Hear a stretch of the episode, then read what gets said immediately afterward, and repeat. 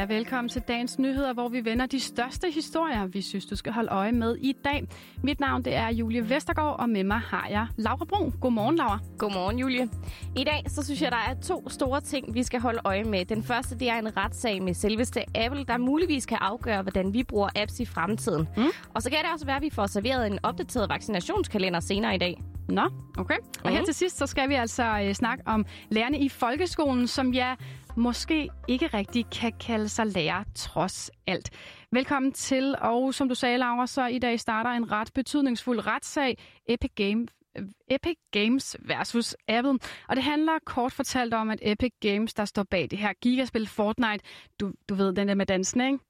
Ja, altså jo, jeg tror, jeg har set dansen, men ellers så ved jeg virkelig Nej. ikke noget om det spil faktisk Nej, totalt har... boomer. ja, også mig. Jeg har et familiemedlem, der engang fik nogle penge, og dem brugte han på en dans, og der var jeg meget gammel og tænkte, det lyder lidt wow, skøjst. kan man det? Det kan man simpelthen. Nå, uh, Epic Games de står bag det her gigaspil Fortnite, og de gider altså ikke at Apple de sidder på et monopol. De mener, at det er uretfærdigt, at alle spil og apps på Apple-produkter, de skal gå igennem App Store, og at Apple tager 30% øh, for alle transaktioner. Torben Vognsen, han er chefdirektør, chefredaktør undskyld, for magasinet Input, og han har dækket tech i mere end 20 år, og han forklarer stridigheden mellem de to sådan her. Problemet opstår, fordi at Apple jo vil have en del af kagen, når det er sådan, at de stiller butikken til rådighed for udviklerne. Og så er det simpelthen sagt, at vi skal have 30% af alt. Det er jo så gået hen og udviklet sig til en, en større ting, fordi især de sådan store udviklere, de er sådan en lille bitte smule trætte af hele tiden at skulle overlevere 30% til Apple hver eneste gang, de skal stille noget som helst. Okay, men altså, jeg kan da egentlig godt forstå, hvorfor at der er nogen, der er træt af, at der er sådan en, der tager en tredjedel af ens fortjeneste. Mm, ja, ja, og det gider Epic Games i hvert fald ikke. Det skabte stor postyr for et års tid siden, da de gjorde det muligt for deres spillere at købe ting inden i selve spillet, altså ikke ude i App Store, som Apple jo selvfølgelig helst vil have. Og det betød altså, at Apple de smed Fortnite ud af App Store, og spilproducenten de slog hårdt igen med at trække Apple i retten. Og det er det, der skydes i gang senere i dag i teorien kan de her retssager, der kører, jamen altså, de kan munde ud i, at Apple bliver tvunget til at acceptere, at andre kan installere apps på deres enheder. Det vil sige, at man kan lave en, en konkurrerende App Store, der så kan installere apps på enhederne. Okay, nu er jeg sådan lidt forvirret, men vil det så sige, at der faktisk kan være forskellige App Stores på ens iPhone? Altså, mm. men, men hvorfor har Apple et problem med det? Ja, altså, det er fordi Apple mener, at App Store er den bedste løsning, og det kender du nok godt. Øhm, øh, det kender jeg i hvert fald derhjemme. Det er mig, der gør, øh, der, der gør tingene bedst, ikke? Øh, oh, derfor skal de gøres på en måde, og jeg tænker, det er samme her. De mener, jamen prøv at høre, hvad mangler der i den her app? Ikke noget, det er den bedste løsning. Og så sikrer man sig altså, at kvaliteten er høj, og der ikke er en masse snyde-apps, som man kan falde for som forbruger der vil Apple jo så komme og sige med en ret stor del ret, at det er en katastrofe for sikkerheden på de enkelte enheder, hvis det er sådan, at man bare lader et tredjepart installere apps og stå for sikkerheden i det, fordi det ved Apple trods alt bedst. Nogle de kalder den her retssag for den største trussel mod Apple i lang tid, og Torben Vognsen, han tror også, at retssagen kan få stor betydning, ikke bare for Apple, men faktisk for os alle sammen. Ligegyldigt hvad, kan det ikke rigtigt ende dårligt for forbrugerne. Det, det er sådan det gode ved det. Det kan være, at Apple får en over nallerne, og så bliver tvunget til at gøre noget, de ikke har lyst til. Og det kan være, at Epic bare får at vide, jamen sådan er det, og det er det bedste, og det skal fungere på den måde, og det har Apple lov til, men altså, om det er den ene eller anden, det, det er i hvert fald ikke dårligt for os forbrugere i det mindste. Okay, det betyder godt nok noget alligevel, selvom det virker lidt langt mm. væk fra os. Altså, mm. men, men hvilken betydning kommer det til at have for os, der bare gerne vil ind og downloade en app sådan i ny og næ? Ja, det, det er jo svært at sige, men uanset hvad der sker, uanset altså om, om Epic Games de vinder eller Apple vinder, så tror øh, Torben Vognsen, at det nok skal gå godt for du og jeg som forbrugere. Den yderste konsekvens kan jo være, at vi kommer til at have øh, altså 10 App Stores på en iPhone. Til gengæld vil der være øh, konkurrence mellem de app stores, så det vil sige, at nogle gange så vil du kunne købe et spil på Steam med tilbud, og så vil du kunne købe på Apples egen butik med tilbud på andre tidspunkter. Så, så man kan sige, at det vil i hvert fald måske betyde noget for priserne på, på, på apps. Ja, vi kommer selvfølgelig til at holde dig opdateret på, hvordan den her retssag mod Apple den kommer til at forløbe. Julie, nu har jeg et spørgsmål til dig. Mm. Hvornår har du øh, sidst været inde og tjekke, øh, hvornår du kan forvente at blive vaccineret, og har du styr på, hvornår det er? Overhovedet ikke. Jeg må indrømme, i starten, der, der holdt jeg øje med, hvornår det var. Jeg har givet fuldstændig tabt. Jeg aner ikke, om det er til efteråret eller noget, men det kan du måske gøre mig klog på, eller ved du, hvornår vi skal vaccineres? Ved du hvad, jeg har faktisk også givet op på det der, fordi jeg føler bare, at den der vaccinationskalender, den er blevet ændret hele tiden og sådan ja. noget, men nu er det faktisk, øh, nu har der været lidt stillestand derinde. Jeg mener, det var tilbage i midten af april faktisk sidste gang, hvor de ændrede den. Der var jo en gang, hvor de ændrede den flere gange om ugen. Mm. Men, øh, men vi ved stadig ikke, hvordan den her plan holder. Nej, og efter vores... sommerferien, ikke? Jo, det, jeg det ved tror det faktisk ikke. Det tror jeg. Men i hvert fald, så er vores kollega Lukas Bjerg, han har lige kigget lidt nærmere på det her. Så kan det være, at vi bliver lidt klogere nu. Det håber vi. I 2021 vil mange danskere blive tilbudt en vaccination mod covid-19.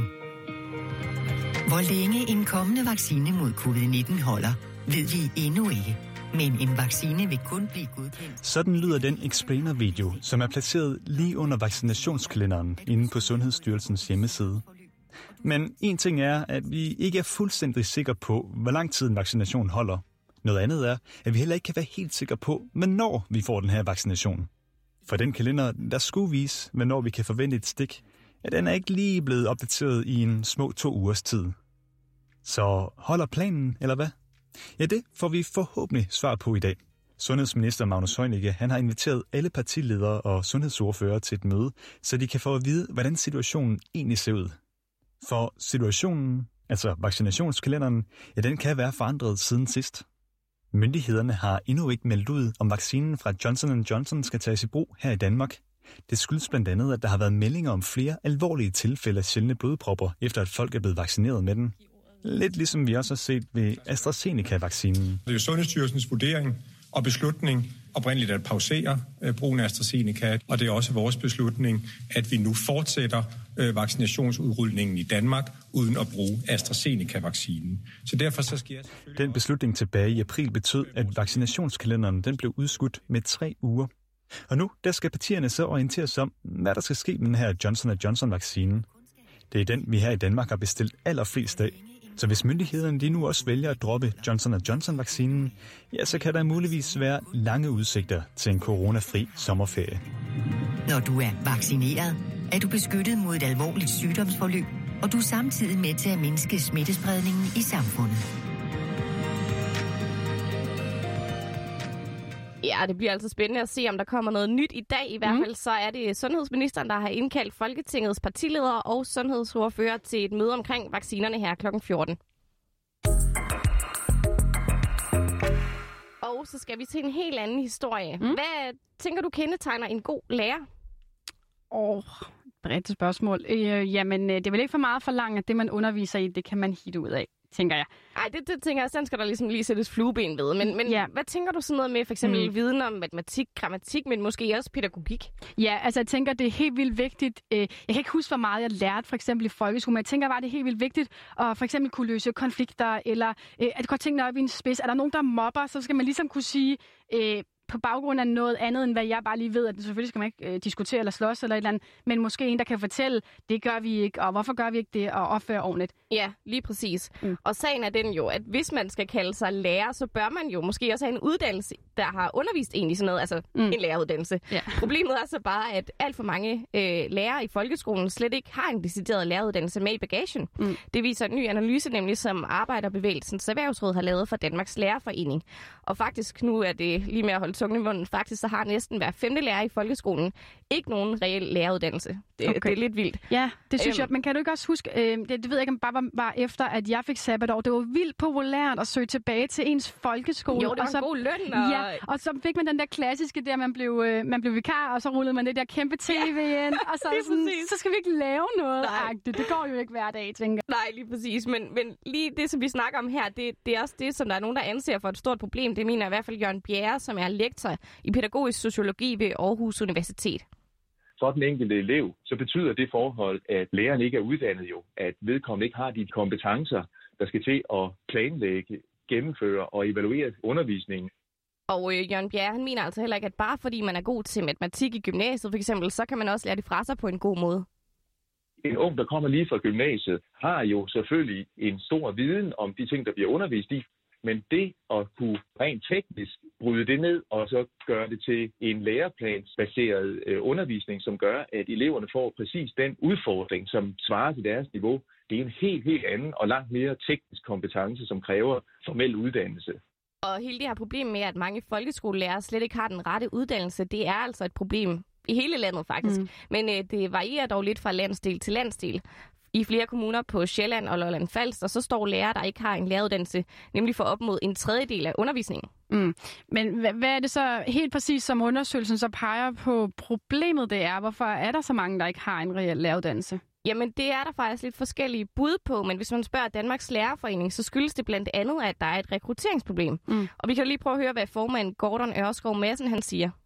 Vi har 26.000, der har en læreruddannelse, som arbejder andre steder end i folkeskolen.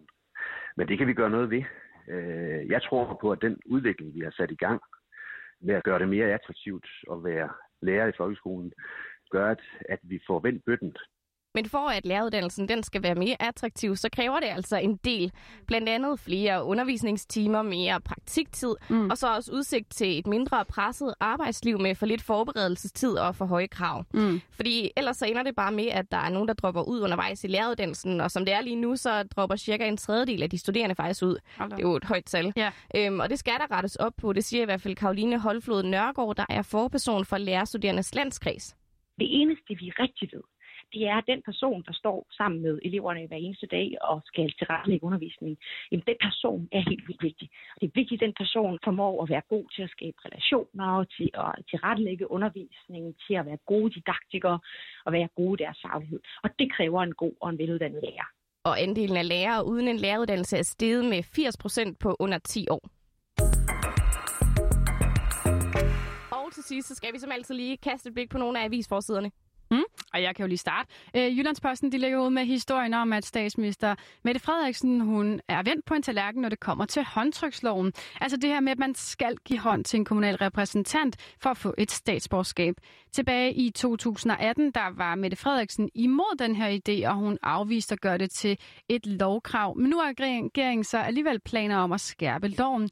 Udlændingeminister Mathias Tesfaye, han har nemlig sammen med Venstre, Konservativ og Liberal Alliance strammet reglerne, så det nu skal være en borgmester eller en rådmand, som står bag det her håndtryk, og ikke en embedsmand som tidligere. Borgmesteren i Frederikshavn, den socialdemokratiske Birgit S. Hansen, hun ryster på hovedet over det her og kalder det for symbolpolitik. Og så skal vi fra en historie, der ikke handler om hovedrysten, men nemlig tilfredshed, fordi Kristelig Dagblad, øh, undskyld, for Kristelig Dagblad skriver nemlig, at Danmark topper EU-listen over tilfredshed for coronahåndtering. Næsten 8 ud af 10 danskere er nemlig tilfredse med den måde, som regeringen og myndighederne har håndteret coronakrisen herhjemme. Mm. Og ifølge den nyeste undersøgelse her, så har vi altså den højeste andel af tilfredse borgere i hele Europa. Så ja. det er da, woo! Ja, og med den tilfredsstillende historie, så kan vi runde af for dagens nyheder. Din værter i dag har været mig, Julie Vestergaard og Laura Brun. Udsendelsen var tilrettelagt af Lukas Bjerg, og vi vil sige tak, fordi du lyttede med.